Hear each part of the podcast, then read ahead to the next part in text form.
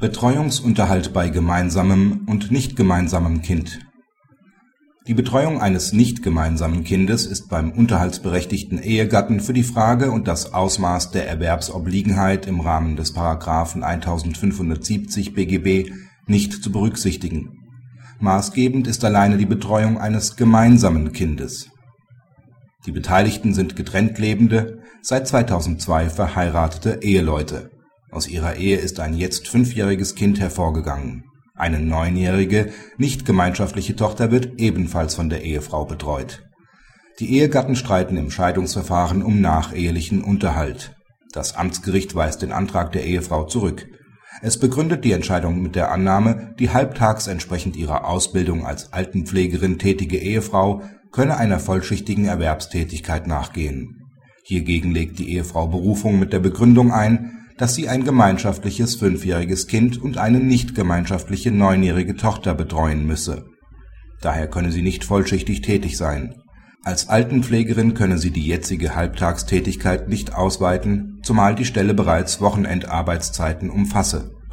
Bei einer Ausweitung müsse sie bei ihrem jetzigen Arbeitgeber Spätdienst bis 21.30 Uhr und Nachtdienste leisten der Ehemann ist der Ansicht, dass das nicht gemeinschaftliche Kind im Verhältnis zu ihm nicht zu berücksichtigen sei. Die gemeinschaftliche Tochter, die einen Ganztagskindergarten besucht, könne über die Öffnungszeiten des Kindergartens hinaus betreut werden. Das OLG gibt der Berufung zum Teil statt. Das nicht gemeinschaftliche Kind ist im Rahmen des § 1570 BGB nicht zu berücksichtigen.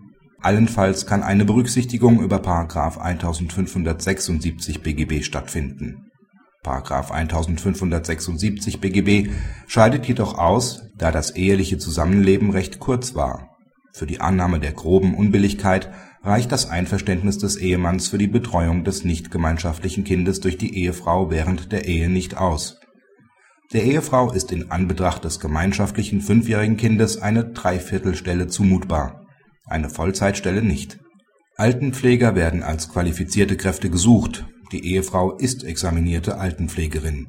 Daher ist es ihr gegebenenfalls zuzumuten, eine neue Stelle anzutreten, in welcher sie eine Dreivierteltätigkeit ausüben kann. Dies gilt nach einer Übergangszeit ab Juli 2010. Praxishinweis Der Betreuungsunterhalt ist seit 01.01.2008 für die Betreuung eines Kindes in den ersten drei Lebensjahren zu zahlen Danach ist zu prüfen, ob kind oder elternbezogene Gründe einen verlängerten Betreuungsunterhalt rechtfertigen. Über § 1570 BGB wird nur der Einkommensverlust infolge des Erwerbshindernisses ausgeglichen. Ein weitergehender Unterhaltsanspruch muss sich aus anderen Anspruchsgrundlagen, insbesondere § 1573 Absatz 2 BGB rechtfertigen